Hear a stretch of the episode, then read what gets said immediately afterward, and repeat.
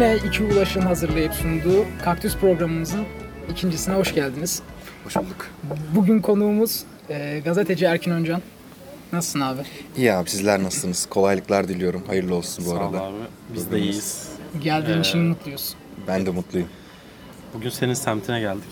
Gel Evet. değirmeninde alıyoruz bu kaydı. Kadıköy Yel Değirmeni'ndeyiz. Evet abi gelmeni beklemiyorduk. Yani. Niye? şaka yapıyorum şaka yapıyorum. Bu arada Erkin Öncan'ın ismini duyan büyük ihtimalle ilk Çin konusunun konuşulacağını Evet. düşünüyordu. Ama bir ters köşe yaptık. Çin konuşmayacağız bugün. Bugün herhangi bir şekilde Çin'den bahsetmeyeceğiz. Belki bahsederiz ama ben bir şekilde sıkıştırabilirim Senin kenara. bir canın isteyen Evet kenardan. Ağzım gidiyor oraya yani. Bugün konu olarak, ana konu olarak Suriye'yi ve e, biraz daha senin mesleğinle alakalı olarak ikinci kısımda gazetecilik üzerine, bu dönemin gazeteciliği, değişen durumlar var mıdır yok mudur bunlar üzerine konuşmayı istedik. İlk olarak istersen abi Barış Pınar Harekatı'yla başlayalım. Tamam. Senin için de bir sakıncası yoksa. Yok canım devam. Ee, Türkiye Barış Pınar Harekatı ile başlarda hem içeride hem de dışarıda kendi istediği görüntüyü verdiği gibi bir durum vardı ilk başlarda. Yani Türkiye'ye baktığımızda muhalefeti arkasında büyük oranda dizebildiği, toplumda bu harekata karşı olarak çok az kesme bulundu ve onların da çok fazla ses çıkarmadığı bir durum vardı.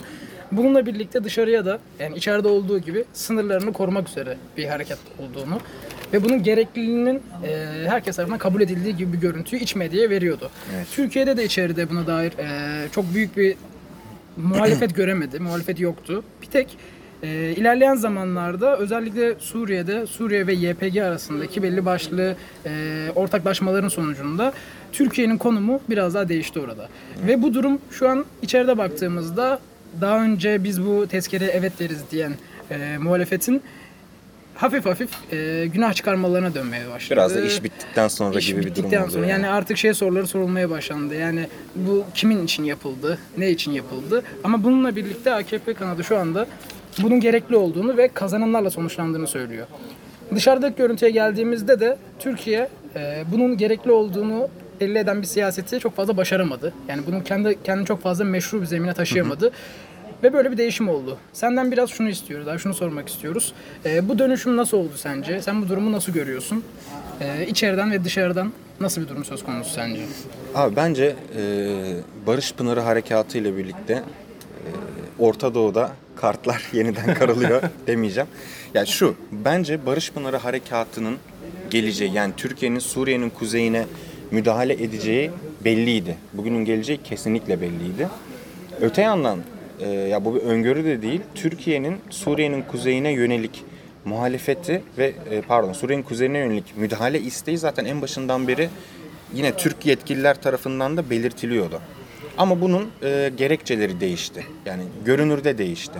Şimdi Suriye Savaşı'nın başlamasından bu yana e, Türkiye'nin AKP yönetiminin Suriye'nin kuzeyine hatta Suriye'ye yönelik karşıtlığı üzerinden ve oradaki tırnak içindeki o terör yapılanmalarını kastederek oraya müdahale etme isteği zaten vardı. Ama bugüne kadar Türkiye'ye engel olan şeyler de vardı. Bence buradan almak daha iyi olur meseleyi. Çünkü Türkiye'ye en başında engel olan şey neydi? Orada e, Suriye'deki savaşın daha şiddetli olduğu dönemlerde Türkiye'nin e, kaldıramayacağı boyutta olmasıydı birincisi. İkincisi Suriye'nin kuzeyindeki Kürt yapılanmaları YPG, PYD vesaire bugünküne göre çok daha güçlüydü. Üçüncüsü Amerika bölgede daha güçlüydü. Dördüncüsü Türkiye-Rusya ilişkileri bugüne kadar e, bugünkü gibi e, olumlu demeyeyim ama yani düne göre daha olumsuzdu. Ve son olarak da orada zaten Suriye devletinin orada. Orası zaten çorba gibi bir yerdi. Ve Suriye'nin e, Suriye devletinin oradaki operasyonlarına herhangi bir yere olursa olsun Türkiye her zaman karşı çıktı. Ve o yüzden bunu söylüyorum. Yani bu Barış Pınarı Harekatı zaten gelecekti. Ama e, genel olarak şimdi Barış Pınarı Harekatı dediğimizde e, darbe girişiminden bu yana aslında bunu söylemek lazım. Türkiye ve Amerika arasında yine tırnak içinde söylüyorum gerilimler vardı ya. Aslında e, bu gerilim, gerilimlerin bir sonucu olarak yansıttılar. Hepimiz hatırlayalım. Çünkü önce Amerika ile güvenli bölge anlaşmaları yapıldı. Ama güvenli bölge anlaşmaları yapılır yapılmaz Türkiye her zaman şer koydu kendince.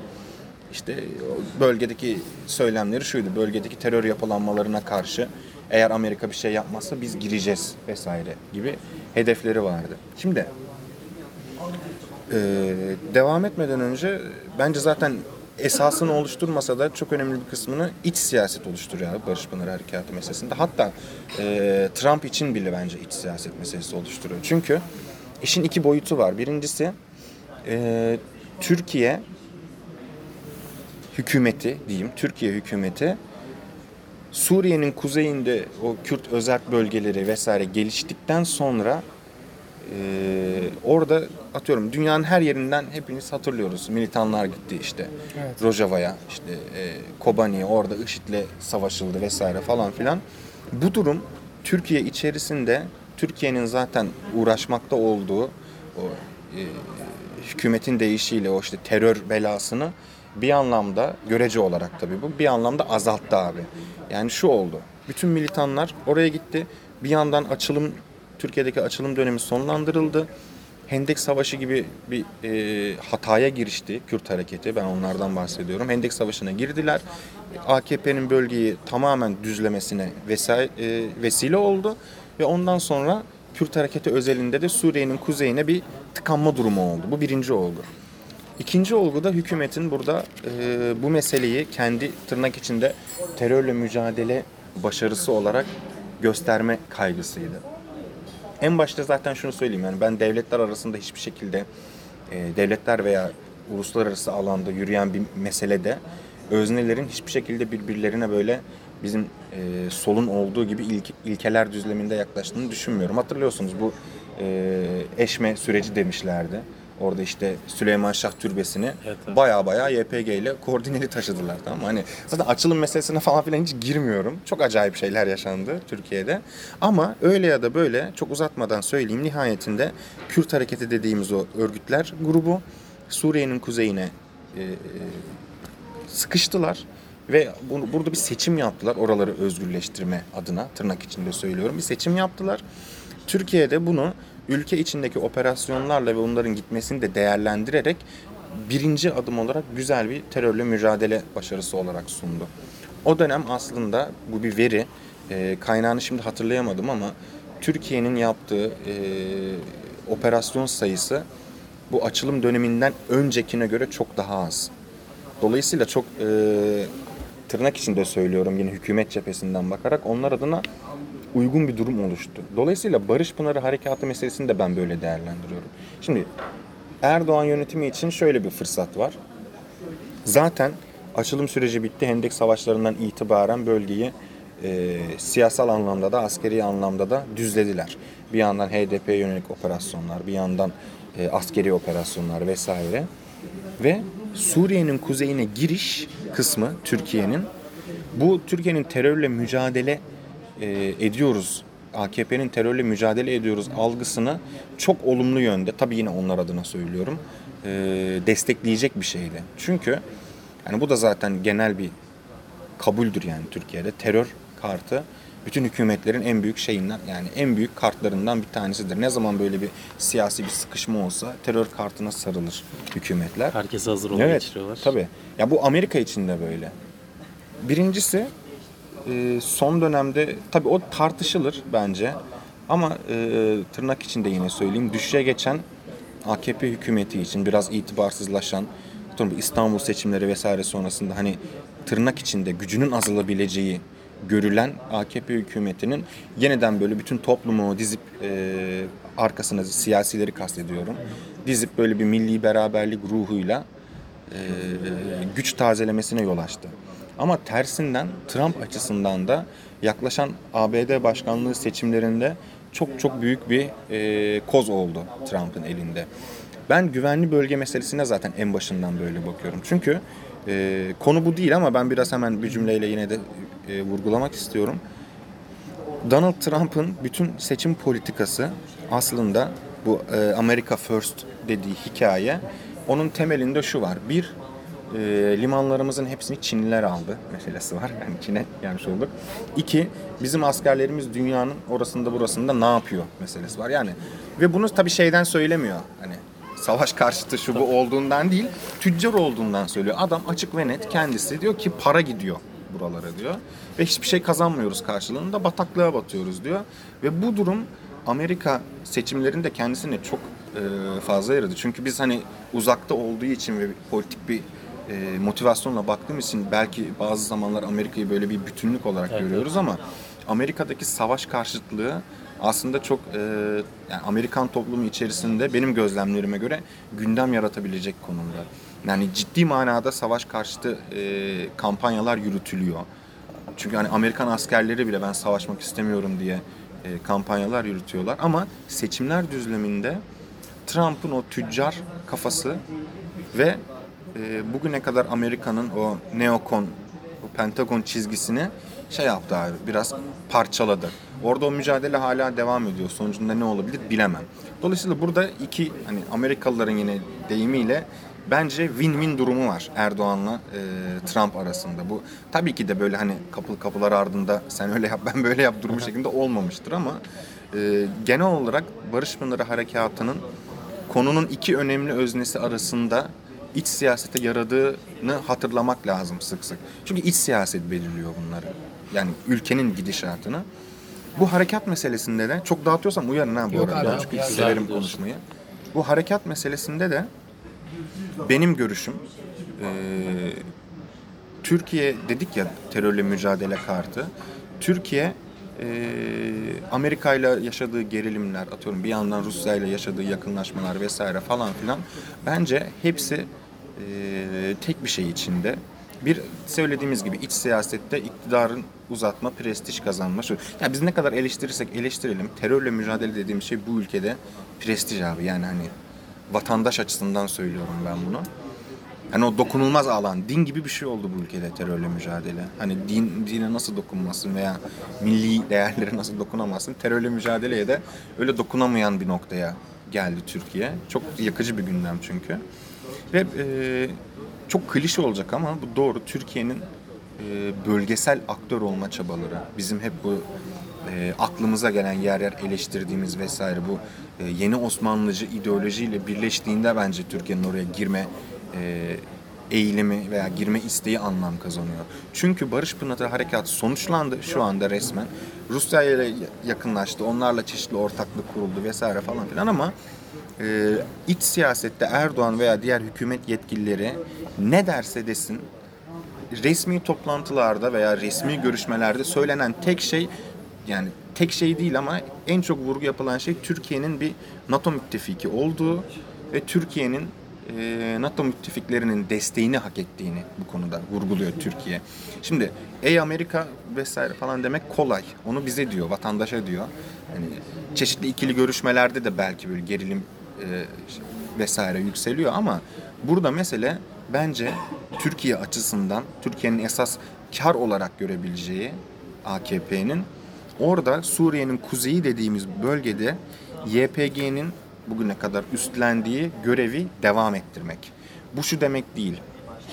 Hani Amerika ile bundan sonra ilişkiler bence eskisi gibi ilerlemeyecek. Öyle ya da böyle. Hani gerilim e, tonu her zaman yüksek olacak bu siyasi gündemde ama Türkiye esas olarak orada YPG'nin e, işlevini üstlenmiş oluyor. Yani Amerika'ya senin esas müttefikin benim demeye getiriyor. Bence konu yani bu açıdan çok açık. Çünkü yapılan şeyler hep aynı.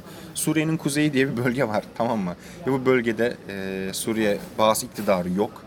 Bugüne kadar orada YPG vardı, Amerika vardı. İşte Amerikan üsleri YPG'nin kendi kurduğu toplumsal inşa e, çabalarının sonucu olan ürünler falan filan vardı. Şimdi onlar süpürüldü. Yerine ne geldi?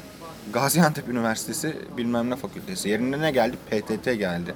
Yerine ne geldi? İşte Türkçe, Arapça tabelalar geldi. Dolayısıyla orada Türkiye'nin orada mevcut olma çabası e, Türkiye'nin temel motivasyonuydu ve Rusya ile de bu konuda dengeli bir anlaşma imzalamış olmaları AKP'nin tırnak içinde lehine. Ama ben bu durumun uzun sürmeyeceğini düşünüyorum kişisel olarak. Yani Türkiye oradan bir şekilde çıkmak zorunda kalacak. Abi en son Rusya demişken konuyu biraz daha farklı bir yöne çekeyim. Ee, Rusya Zeytin Dalı Harekatı'nda Türkiye'ye hava sahasını açarak destek vermişti. Ee, Barış Pınarı'nda ise tereddütlerini belirtmeyle birlikte bekle gör politikası uygulamayı tercih etti ve ABD Türkiye'ye uzlaşmasından sonra bir tavır koydu. Bu noktada sence Rusya'nın emperyal vizyonu Kürtlere yönelik nasıl bir politika izliyor ve yani sence Rusya emperyalist midir? Bu konuyu biraz açabilir misin? Tamam. Ee, önce şuradan başlayayım ben. Rusya'nın e, bölgedeki faaliyetlerine ilişkin. Şimdi abi bence Rusya-Türkiye ilişkileri şey denir ya konjonktürel olarak iyi evet olumlu yönde de seyrediyor diyebiliriz. Sadece böyle dışarıdan bakan gözler olarak. Ama e, Rusya Türkiye ilişkileri hala çok e, ham onu söyleyebilirim. Çünkü e, Türkiye'nin çoğu önemli konusunda e, Rusya aslında onunla çelişen bir e, Türkiye'nin politikalarıyla çelişen tutumlar oluyor. Rusya PYD'ye terör örgütü demiyor. Şeye inanmayın yani hani bunu dinleyen arkadaşlar da inanmasın. Medyada özellikle Türk medyasında yer alanlara. Rusya Türkiye'ye şey demez. Tamam mı? Terörist e, pardon YPG'ye terörist demez. Rusya Kuzey Kıbrıs'ı tanımıyor mesela. Bu öyle bir şeydir. Yani önemli bir şeydir bu. Güney dediğimiz Türkiye'nin güney dediği Kıbrıs Cumhuriyeti'ni tanıyor. Atıyorum Rusya Rusya'nın bölgedeki en büyük müttefiği tabii ki de Bahas. Bu ve bunu e, şuradan bence bazen kaçırıyoruz. Yani ben çünkü televizyonda vesaire falan izlediğimde e, tanıyı bu şekilde koyuyorum. Rusya'nın bölgeye ilişkin stratejisi nereden baksan bir 50 yıllık strateji. Oradaki Bahas devrimlerine dayanıyor. Orada e, Suriye'de, Irak'ta özellikle bu iki ülkede yaşanan e, süreç, onların işte ta 20'lerden 30'lardan bu yana 40'larda bağımsızlıklarını kazanmaları ve orada yerleşen bazı iktidarı e, Sovyetlerle çok yakın ilişki halindeydi. Dolayısıyla Rusya'nın Orta Doğu'ya ilişkin politikası e, tarihsel. Tarihsel ve Rusya'nın böyle temel dış politika stratejilerinden bir tanesi. Bu böyle hani biz yıllarca tabii hem anti-Rus veya anti-komünist propaganda ile şey olarak algıladık.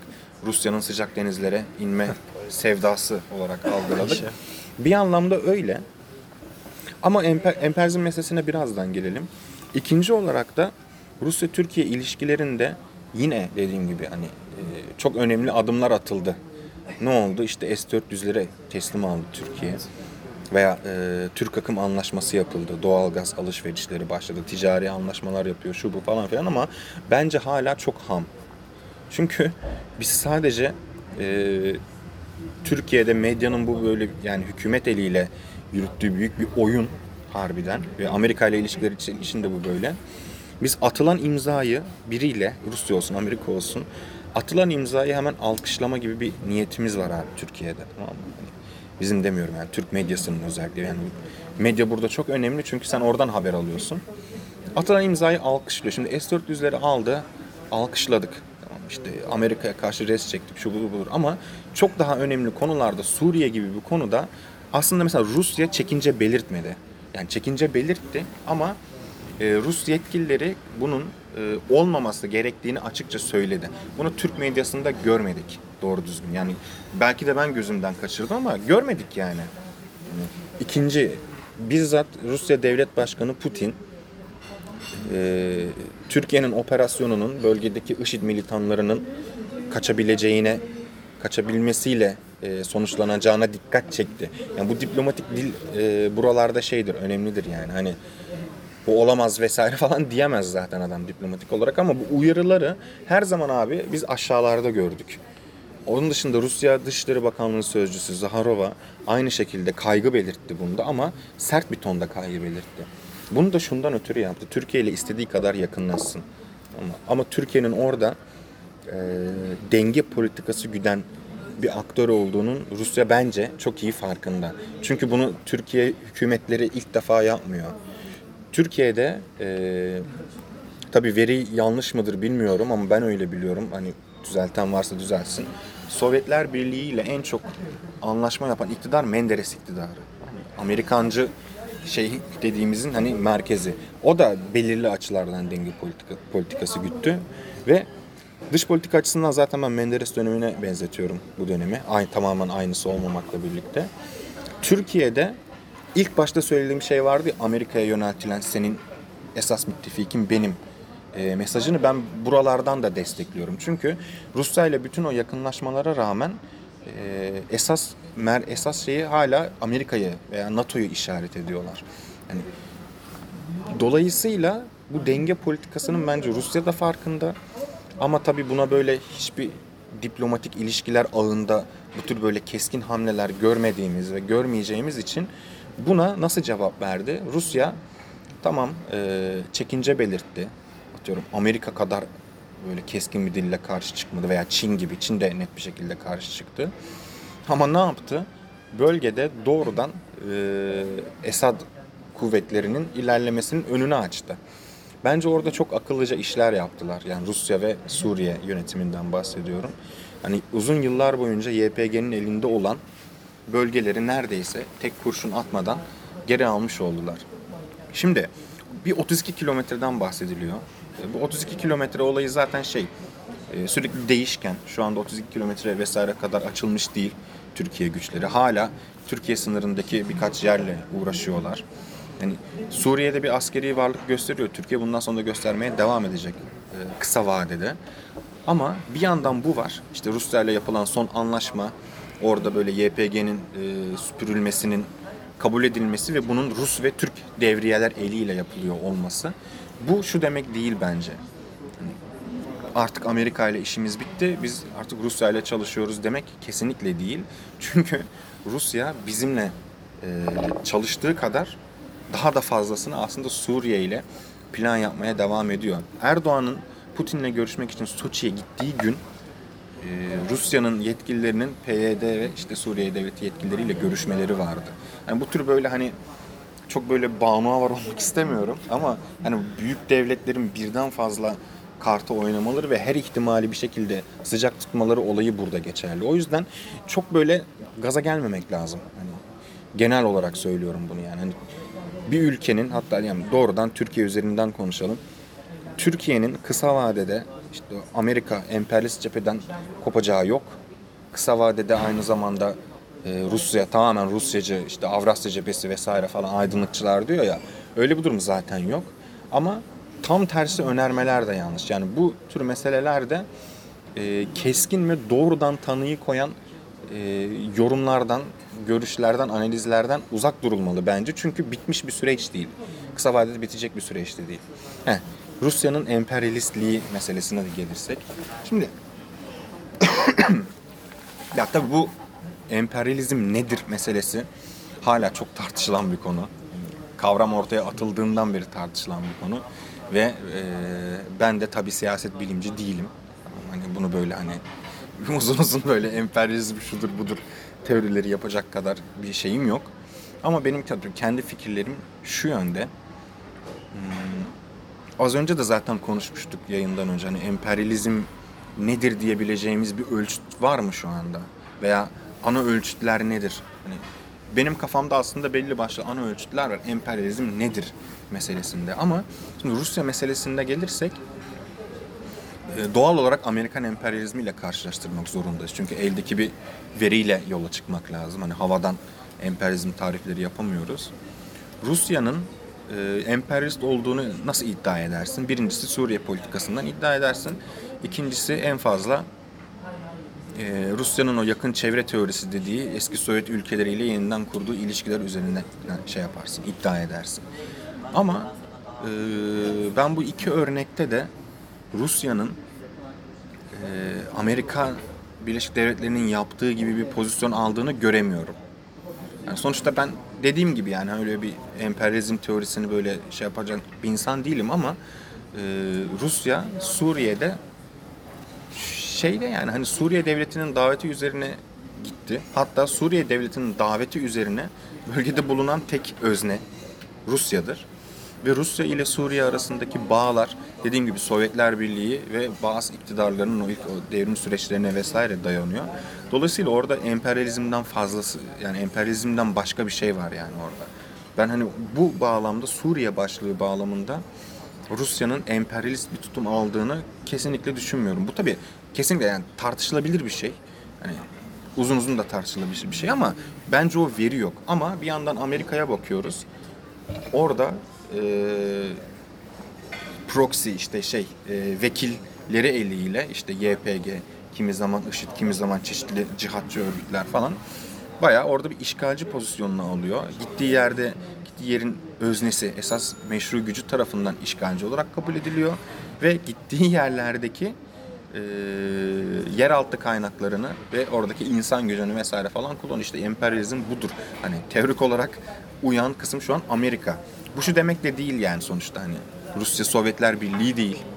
Esasında onun da böyle emperyal hevesleri olabilecek e, Rusya'nın karşısındaki diğer bloğu temsil eden bir kapitalist devlet. Yani bu Rusya'nın emperyalistleşmeyeceği anlamına gelmiyor.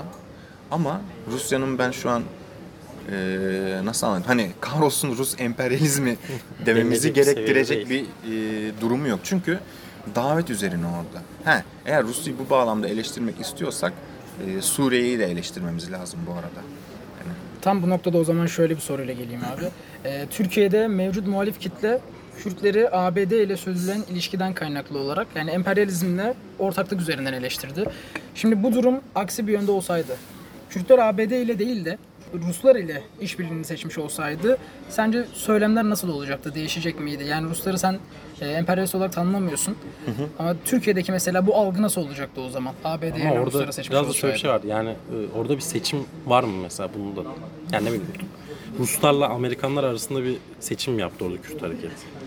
Abi bence yani YPG üzerinden de konuşuruz ama şunu konuşmamız lazım. Ee, Rusya'nın Rusya'yı düşünelim. İşte Kremlin güzel. Rusya'nın herhangi başka bir ülkede silah yardımı yaptığı, para yardımı yaptığı ve bununla birlikte belli bir bölgeyi yönettiği bir senaryo düşün. Ukrayna, Donetsk. Donetsk'te de durum başka. Onu da söyleyeyim. Ya Onunla onu da zaten gireriz. Amerika'nın en baştan hani Evet. yüklendiği yer orasıydı biraz. Donetsk'te bir de orada e, Rus taraftarları diyebileceğimiz insanlar orada etnik bir mesele de. Rus Onlar bayağı. Rus yani. Aynen. Rus pasaportu falan talep ediyorlar. Öyle şeyler var. Oraya da geliriz belki de. Hani Rusya'nın bambaşka bir ülkede e, bir silahlı gruba o ülkenin yönetimine muhalif olan bir silahlı grubuna e, silah yardımı yapıp para yardımı yapıp onları doğrudan yönettiği bir senaryo düşün ve karşılığında bölgenin petrolünü alıyor. Bölgede askeri varlık gösteriyor vesaire falan filan. Evet kesinlikle emperyalist bir adım olurdu. Burada zaten yani hiçbir şekilde bir tartışma yok. Ama e, YPG özelinde söyleyecek olursak YPG nin Amerika ile Rusya arasında bir seçim yapıp da Amerika'yı seçtiği gibi bir durumu e, ben düşünmüyorum. Hatta YPG'nin doğrudan oradaki e, şuradan yine emperyalizmden bahsedelim. Bak şimdi hani bir emperyalizm tezi de şudur ya Türkiye'de. Hani bir şey oluyor ve orada bir toplumsal hareketlilik oluyor. Ee, birileri veya bir örgüt veya insanlar ayaklanıyor vesaire falan. Şey gibi bir algı yaratılıyor. Az önce Banu Avar'dan kastım oydu. İşte emperyalistler kapalı kapıların ardında falan böyle düğmelere basıyorlar. Birilerine bir şeyler veriyor ve her şey Onların istediği gibi oldu kendiliğine öyle bir şey yok. Emperyalizm hiçbir zaman e, potansiyel olan olmayan bir yere gitmez. Gezi için de mesela aynı şekilde bambaşka bir konu ama Gezi'deki işte emperyalist Müdahale var mı? şeylerin müdahaleleri vardı. Emperyalist müdahale vardı bir açıdan. Sızma girişimi açısından vardı ama. Hani çünkü bu işte Kavalalar vesaire onu ayrıca konuşabiliriz aslında ama bu bir sızma girişimiydi. Suriye'de emperyalizmin müdahalesi var mı? Var. Bu bir sızma girişimi. Çünkü orada gerçekten de tam tersinden düşünecek olursak eee doğruluğunu yanlışına hiç girmeden söylüyorum. Bir kimlik mücadelesi veren bir Kürt halkı vardı Suriye'de. Tamam? Bunların çeşitli örgütlenmeleri vardı. İşte emperyalizm burada kendisini var etti. Şunu demeye getiriyorum. ya, Emperyalizm e, bir alt üst oluş potansiyeli görmediği hiçbir yere gitmez zaten. Yani dolayısıyla YPG örneğinde de o YPG bölgedeki Kürt örgütleri baktığımız zaman bugüne kadar aslında şeydi e, yani 90'lara kadar giden bir süreç bu.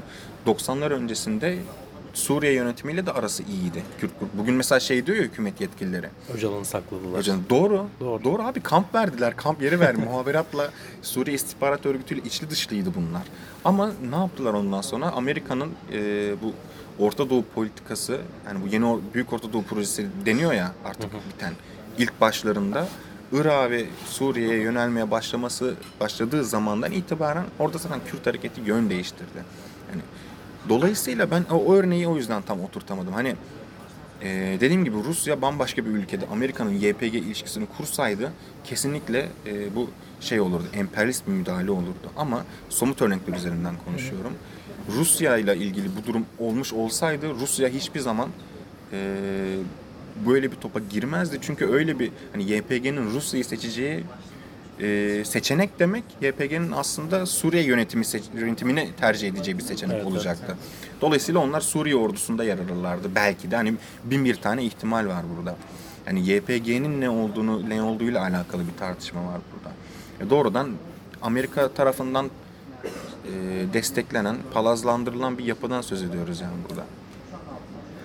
Rojava dediğimiz yer tamam mı? Hani hani veya Kobane dediğimiz yer buralarda bambaşka bir algı işleniyor burada Türkiye'de ama abi yani gerçekten hani şu- yani hiçbir şekilde açıklama götürmeyecek bir durum var orada bence. Yani bu durum zaten Türkiye solunda çok tartışıldı. Bunu diyene her zaman da işte ulusalcı Kemalist vesaire falan derler. Cephelilere bile bunu dediler zamanında. Rojava devrim değildir dediler diye. Orada yani hani sen sen söyledin diye söylemiyorum bu arada. Hani genelde şunu söylerler.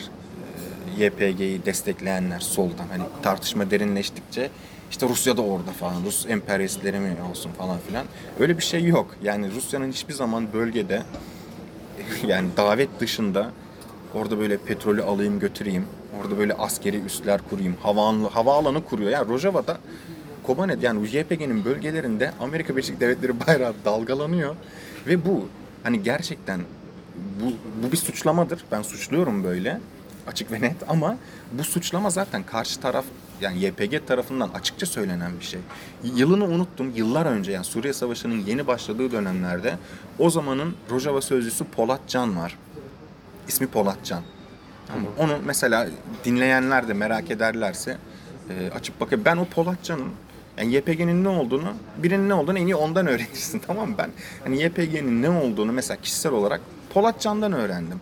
Şunu söylüyor, bizim açıkça şunu söylüyor, bizim Amerika ile ortak karargahımız var. Yani bitti yani bundan sonra hani hani yok Amerika ile işbirliği yapmak zorundaymış, yok işte bilmem ne falan. Bitti yani bundan sonra ve her şeyi açıkça yapıyorlar. Ben hani tepki gösterdiğim mesele de bu. Hani YPG'nin oradaki çizgisinin politikasını destekleyebilirsin. Bu hiç önemli değil. Destekle yani yapacak bir şey yok ama yani o öznenin kendisi bunu açıkça söylediği halde altını çiziyorum yani bunu. Yani açıkça ya kaç defa söylediler ama hala bunu böyle dile getirince tepki göstermek falan çok e, komik ya yani acınası bir durum yani gerçekten. Ya zaten bu işte bir takım tırnak içinde aydınlar da zaten bir imza toplama işine girişmişti bir ara. Ha Amerika tabii canım Amerika çıkmasın. gitmesin. Amerika gitmesin diye imza mı Gitsin de toplanıyor yani ya? mesela hani. Ve ne oldu? İşte bitti ondan sonra. Amerika gidiyor. Belli. Aslında gitmiyor da bir yandan. Hani onu söyleyeyim. Ee, Trump son açıklamasında onu da tabii Amerika iç çelişkileriyle hareket ettiği için bugün daha haberi geldi bunun.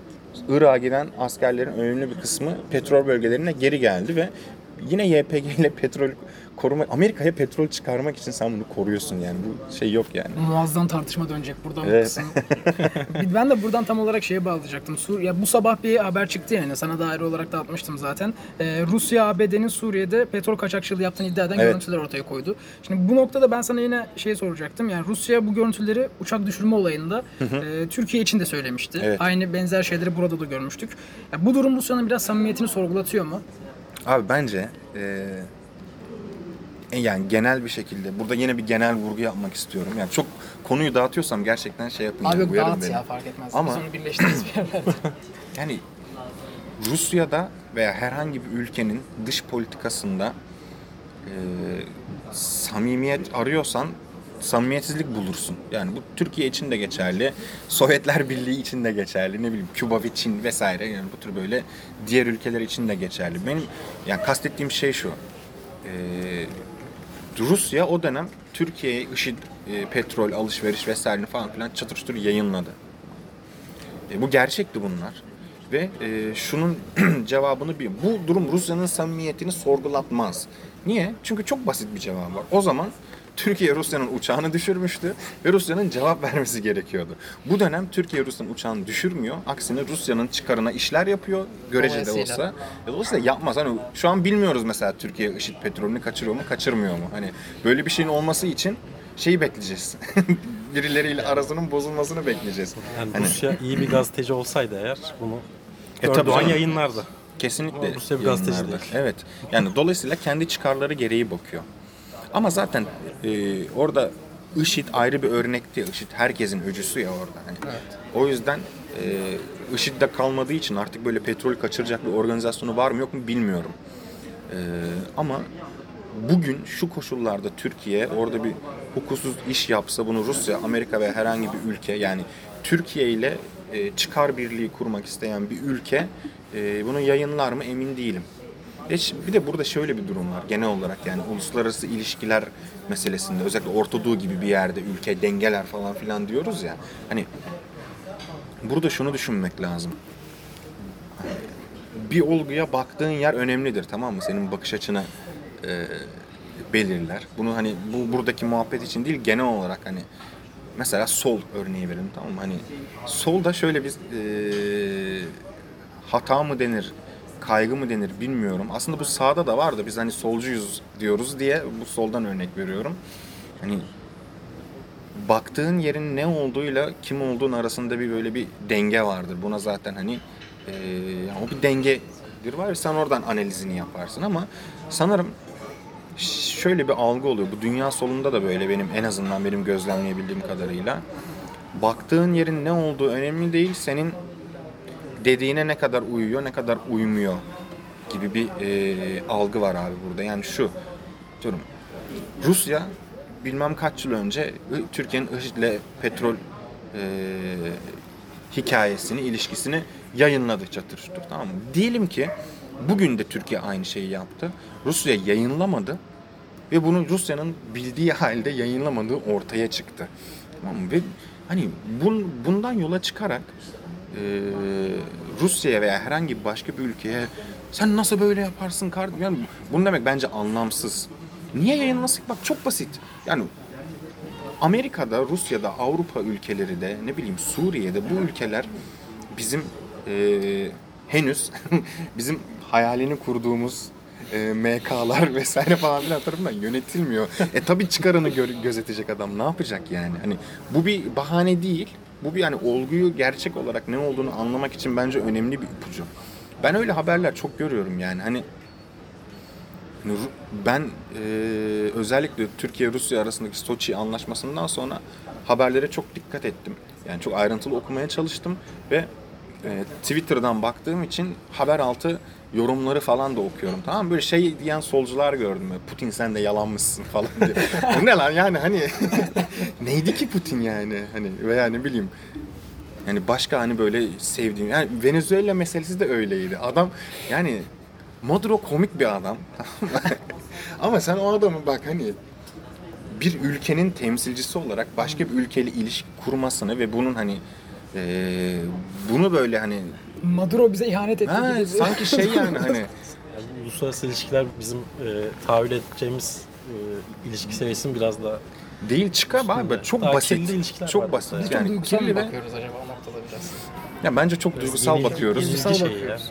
Çok Yeni yani yani evet. Ne olma hani bugün kim bize ihanet etti acaba tadında Evet, evet. böyle bir şey. Çünkü abi Maduro ama komik ben kahkahalar attım gördüm tamam mı? Orada muhteşem yüzyıl mı seviyordu? Diriliş Diriliş, Ertuğrul, Ertuğrul Diriliş seviyordu. Ertuğrul.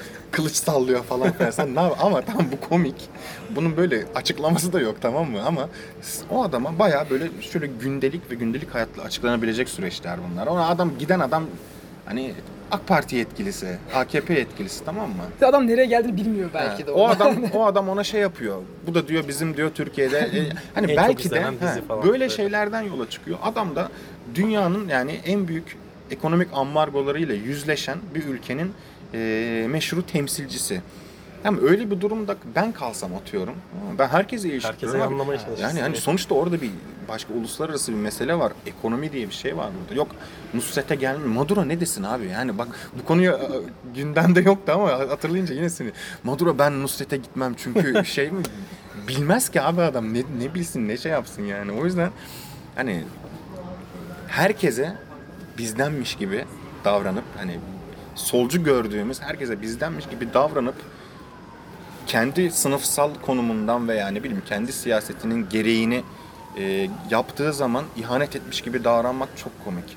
Veya hani Maduro bile hani Rusya Putin örneği falan hani zaten ayrı da hani ona şaşırmak falan. Maduro bile sonuçta şey yani proleter devrim önderi değil tamam mı? Tabii canım. Hani o ulusal bir şey var aslında orada hala. Proleter devrim önderi değil. Senin dostun değil, yoldaşın değil. Bambaşka bir ülke. Gitsen dilini bilmezsin. Hani çok böyle basit argümanlar gibi görünüyor ama bence bunları konuşmak lazım ve adam orada bir ilişki kurdu diye onu böyle şey e, vatan haini böyle şey karşı devrimci falan ilan ettiler. Komik yani bayağı. Bize ihanet etmeyecekti abi. Ama öyle- Evet yani. şeyi gördükten sonra ben orada şaşırmamamız hani şaşırmamızı biraz e, garip buldum. Bu Ekrem İmamoğlu'ndan bile böyle işte sen ihanet ettin. İşte sen Tabii ne canım. yapıyorsun? Ekrem İmamoğlu. Yok her şey Onun çok işte güzel şeyle olacak falan alakası böyle. Daha önce bu örneği, ben her yerde bu örneği veriyorum da daha önce size söyledim mi bilmiyorum. Bu şey gibi bir şey abi. Bence yani hani bir tavuğa gidip tamam mı? Sen niye uçmuyorsun kanatlanıp böyle şey gibi demek gibi bir şey yani. Uçamaz yani en fazla kanat çırpar. Ama sen o böyle kanat çırptığı, havalandığı 10-15 saniyeyi de kilometrelerce uçacak, ufukta kaybolacak zannettiğin için ufukta kaybolamayınca diyorsun ki sen nasıl böyle yapıyorsun? Saçma sapan bir durum. Yani İmamoğlu meselesinde yani e, üzülüyorum abi ben bazen gerçekten hani üzülüyorum çünkü İmamoğlu bilmem ne bizim merkez komite üyesi yoldaş komiserimiz değil yani. İmamoğlu İmamoğlu hani ters tersi argümanlardan bu şeyi de eleştirmek de yanlış hani o işte burjuvazinin bir temsilcisi falan hani yanlış demeyeyim. Ne değiştiriyor? Mesela bugün e, İmamoğlu'nu ve temsil ettiği kitleyi etkilemiyorsan, etkileme gücün yoksa ona istersen burjuvazinin köpeği de istersen e, başkan de yani İmam, İmamoğlu başkan de, Muharrem İnce gibi tamam mı? Hiçbir şey değiştirmiyor. Bence oturup üzülme üzülmemiz gereken nokta bu. Ama bir taraf böyle oradan böyle kendi yani teorik doğruluğunu kanıtlıyor, yerinde oturuyor. Diğer taraf da öyle yaptım, böyle yaptım diyor. Yani gidiyor abi tren bambaşka şeyler oluyor. Tamam tren gidiyor. Aa gidiyor diyorsun. Tamam hani bu kadar basitlikte bence açıklanabilecek bir şey yani. Abi ben bir de şunu merak ediyorum. Sen gazetecilik yapan birisi olarak hem Suriye'deki durumlar hem de Türkiye'deki gelişmeler gazetecilik alanında biraz farklı bir yere götürdü sanki. Yani insanlar gazetecilik anlayışlarına bir değişme oldu gibi.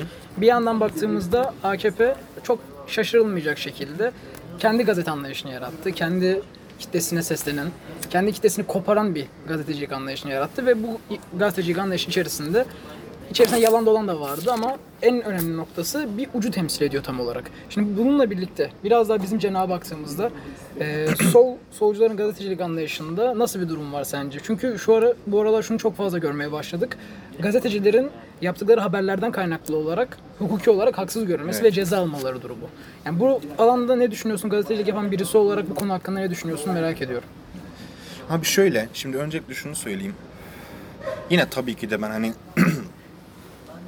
ne bileyim aşağı yukarı 2012'den beri bu mesleğin içindeyim. Hani böyle bir hani doğayenlik bir durumum olmadığı için çok böyle hani benim görüşlerimi de siz de dinleyen arkadaşlar da böyle hani artistlik yapıyor olarak algılamayın. Hani çünkü bu hani kendi gözlemlerime dayanan bir şey.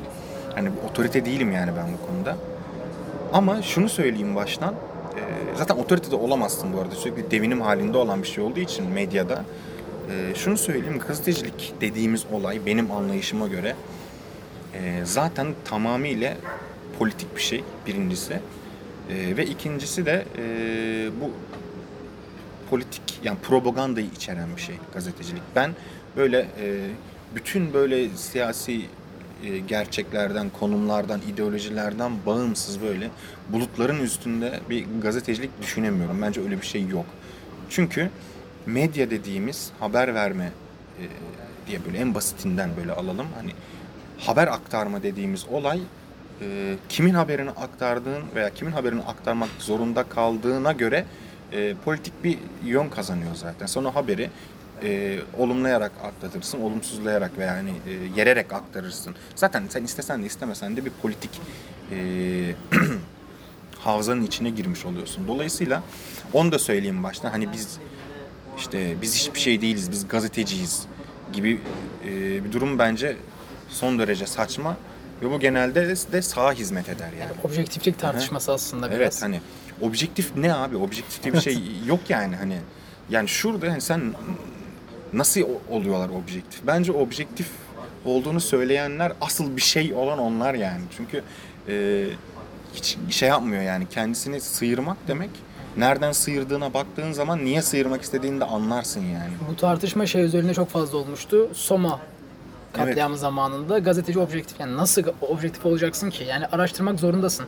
Yani meclise gelip reddedilen bir maden araştırma mevzusu var o Evet. noktada. Yani bunu söylemiyorsan eğer objektiflik dediğin mesele buysa çok başka bir yere hizmet ediyor senin E tabii canım onun politik bir şey yani gazete kendisine gazeteciyim diyen biri ben sadece gazeteciyim abi diyorsa ben onun e, ya liberal olduğunu düşünürüm ya da sağcı olduğunu düşünürüm yani. Çünkü hani ama tersinden de şöyle bir şey var bak.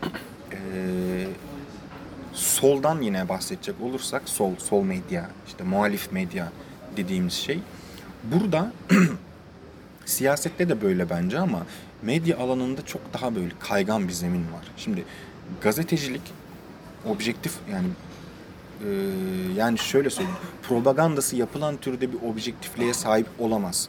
Ama olguları olduğu gibi e, sıraya koyması açısından bir objektifliğe sahip olabilir. Objektiflik tartışması işte orada devreye girer. Dolayısıyla e, bu ideolojik e, motivasyonlara çok fazla böyle hani kapıldıysan ve buradan e, dolayı gerçekleri eğip bükmeye başladıysan yani manipülasyona başladıysan o gazetecilik olmaz artık. O da şey olur yani propagandacı olur onun adı. Şimdi mesela sağdan da soldan da örnekler verebiliriz buna hani. Sağda kim var işte A Haber var tamam mı? Orada Türkiye mesela atıyorum Barış Pınarı Harekatı Türkiye'nin istediklerinin bence e, tersini yansıtsa da önemli bir kısmı gerçekleşmedi. Amerika ile anlaşmak zorunda kaldı. Rusya Suriye'ye sürerek e, zaten bir anlamda sıkıştırdı ve kapsadı. Ve hatta Trump şey diyor tough love diyor buna hani sert sevgi. Tam böyle iyi ifade ediyor adam aslında. ve ama bunu mesela A Haber e, diyelim ne yapıyor? İşte Amerika'ya diyor haddini bildirdik diyor. Ya Trump'ın yolladığı mektup tamam mı? Hani örneği yok bunun. Hani savaş çıkar yani böyle bir başkasına olsa ama Amerika'ya diyor haddini bildirdik diyor tamam mı? Şimdi oradaki olgu ne? Orada olguları alt alta koyarsın işte. Türkiye şunu demişti, şunu yaptı. Amerika şunu demişti, şunu yaptı falan filan. Böyle bir koyarsın ve bir analiz çıkarırsın ortaya. Yani gazetecilik mesleği açısından da. O analizin de senin o tutumun belirler. Ama tersine muhalif medyada da yani hem hani e, Barış Pınarı harekatı üzerinden de değil sadece. Çoğu konu üzerinde bir şeye dönüşme durumu var. Hani burada tek bir yeri veya spesifik olarak birini e, kastetmiyorum ve kastetmek istemiyorum şu anda. Ama e, eğer hani başta söylediğim şey vardı ya yani gazetecilik politik bir şeydir. Gazetecilik bence yani benim görüşüme göre de yani devrimci bir yönü de vardır. Çünkü hani yani gündem yaratıyorsun sen. Önemli bir şeydir. Dolayısıyla hani dünyadaki devrim hareketlerinin aslında çoğunda hepsi şey yayıncıdır yani bunların aslında. Yayınlar üzerinden gitmiştir. Gazetecilik faaliyeti yayınlar. Yani çok önemli bir şey yani. Çok önemli bir araç. Devrimciler için de, solcular için de öyle ama bu araç eee, araç nedir? Araba araçtır. Tamam binip gidersin vesaire falan ama bu araç amaca hizmet etmekten çıkıp da tüm felaket tellallığına dönüştüğü anda burada da bir abukluk var demektir yani. Şimdi çok örneği var bunun bugüne kadar yaşanmış. Ve sosyal medyanın gelişmesinde de bunda eee, sosyal medyayı ben çok severim yani hani sos internet çağı vesaire falan. Biz de ben çok hani seviyoruz. o şeydeyim yani Sevdiğini artık. de biliyoruz abi senin. Ama bu işte e, Batılılar bunu konuşmaya başladılar ya biz birkaç senedir fact checking Evet, olayı evet. vesaire üzerinden. O bizde bence hala gelişmemiş birincisi. İkincisi yine baştan ideolojik demiştim yani solun ideolojik durumu bir yenilgi halinde olması bir olgu. Yani bunda bir şey yok hepimizin ama bunu kabul etmeyenlerin de olması sıkıntı. Evet. Ve bunu kabul etmediğin sürece sen işte e, bunun bu anlayışın medya temsilcileri de şuna yol açıyor. Yani hani e, doğrulamadan olayı doğrulamadan sadece e, şeye senin ideolojik görüşlerine hizmet ediyor diye e, yalan haber yapan e, şeyleri gördük tamam mı? Kurulumları gördük. İsim vermeye gerek yok. Hani isim isteyen olursa da bana özelden yazsınlar. Ben hepsini söylerim yani. Buradan ayrı bir şey konuşuyoruz diye isim vermiyorum bu arada. İsim de verebilirim o ayrı ama veya Ee, olgu neden burada önemlidir bence? Yani şu, eğer sen olguyu ortaya koymazsan Türkiye gibi bir ülkede gazetecilik yapmaya çalışan biri olarak hani herkesin böyle A dediğinde aslında hedef alınabildiği, hayatının karartılabildiği bir ortam var. Buraya kadar herkes hemfikir. Ama sen böyle bir dönemde her zamankinden daha fazla doğrulara ve kanıtlara yaslanmak zorundasın. Atıyorum yani çok farazi bir örnek. AK Partili, AKP'li işte şey veya MHP'li bir vekilin eee, yolsuzluk yaptığını düşünün tamam mı? Sen bu yolsuzluğu belgelemeden onu or- oraya koyarsan, onun haberini yaparsan onların hukuku diyorsun bütün gün ama onların hukuku da seni yargılar. Sonra da ağlarsın. Hani bu böyle hani eee, bu kimse bunu sorgulamıyor. Sorgulayan vardır ama bu açıkça sorgulanmıyor abi. Ya ben hani mesela bunu buna benzer şeyleri yazdığım zaman kendi sosyal medya hesaplarımdan böyle yandaş mandaş diyorlar tamam mı? Ama e, ekşi sözlükte bile yazdılar yandaş gazeteci diye bana tamam? Hani Ama büyük bir itibar kaybı aynı zamanda İtibar bu yani. kimse çünkü şunu düşünmüyor abi ben bir şeyi anlatacaksam bir şeyi aktaracaksam bunu bilmem neden tanıdığım tamam mı işte benim gibi böyle Kadıköy'de yel değirmeninde yaşayan falan filan böyle bir beyaz yakalı solcu vesaire arkadaşıma anlatmayacağım. Benim hedefim bu değil. Ben bir şeyi, bir olguyu, bir haberi aktaracaksam iki tellideki tamam mı? Bilmem ne teyzeye anlatacağım. Dolayısıyla onun anladığı şekilde anlatmam lazım. O da neyden anlar? Bu cahillik anlamında değil. Kanıttan anlar. Ya İmamoğlu vesaire İmamoğlu'nun başarısının altında yatan şey çatır çutur bu yolsuzlukları işte israfları, israfları belgelemeleri oldu. E sen diyorsun ki işte bu hani felaket tellallığı buna yol açıyor işte. Eğer atıyorum orada şey bir şey varsa hani hükümeti eleştireceğim veya sağcıları eleştirebileceğim şunu eleştireceğim bir şey varsa sen bunun kaynağını göstermek zorundasın. Çünkü esas senin silahın o. Hani Biz hani gerçekler üzerinden savaşıyorsak biz gerçek hani gerçeği savunduğumuzu söylüyorsak o gerçeğin ortaya koyan kanıtları da bizim göstermemiz lazım. Ya benim öyle çok başıma geldi. Hani mesela biri bir haber yapıyor. Hani o haberi ben de alıyorum. Ama öyle bir şey yok. Yani gerçekten yok. Hani tekrar edeyim eğer böyle hani merak eden varsa ben bir de bunları biriktiriyorum ha. Hani onu da söyleyeyim yani arşivliyorum. Tamam mı? Bu konuya önemsediğim için. Hani bugün bir solcunun veya bir muhalifin veya bir sosyal demokrat da olabilir tamam yani hükümet karşıtı bir ki, gazete kendisine gazeteci diyen birinin e, kaynaksız, kanıtsız haber yapması kadar büyük bir rezalet yok bence. Bu bir. İkincisi, e, onu da söyleyeyim çok uzatmadan. Bu konuda gazeteciliğin amacı nedir, işlevi nedir ve niye gazetecilik yapılır konuları da çok derin konular aslında ve e, uzun tartışılması gereken konular. Ama şu kadarını söyleyebilirim. Biz e, en temelinde bilgi paylaşma odaklı yapıyorsak ve kendimizi atıyorum solcu diyoruz. E biz yani solcu gazete, devrimci gazetecilik yapıyoruz diyorsak o bilginin bir şeylere yol açmasını da bekleyerek yapacağız bunu ve ona göre planlayarak yapacağız değil mi?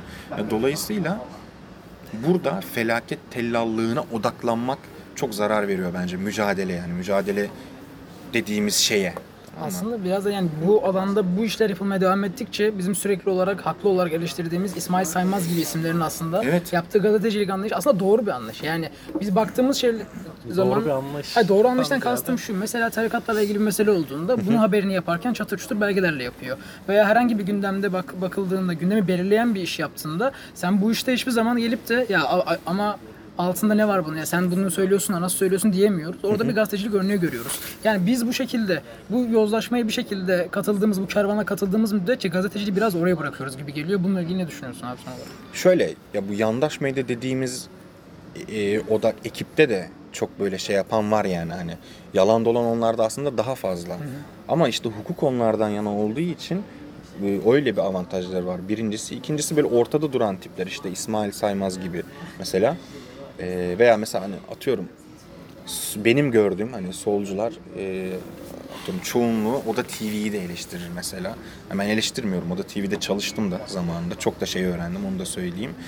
E, buradaki esas tehlike şu abi. Eğer e, en yani en genişten alayım tamam mı? Böyle bir sol solun yenilgi psikolojisi şunu doğurdu. Yani bunun tabii ideolojik şeyleri de var. Yani o liberal dalgaya büyük çoğunluğun kapılmış olması gerçeği de var.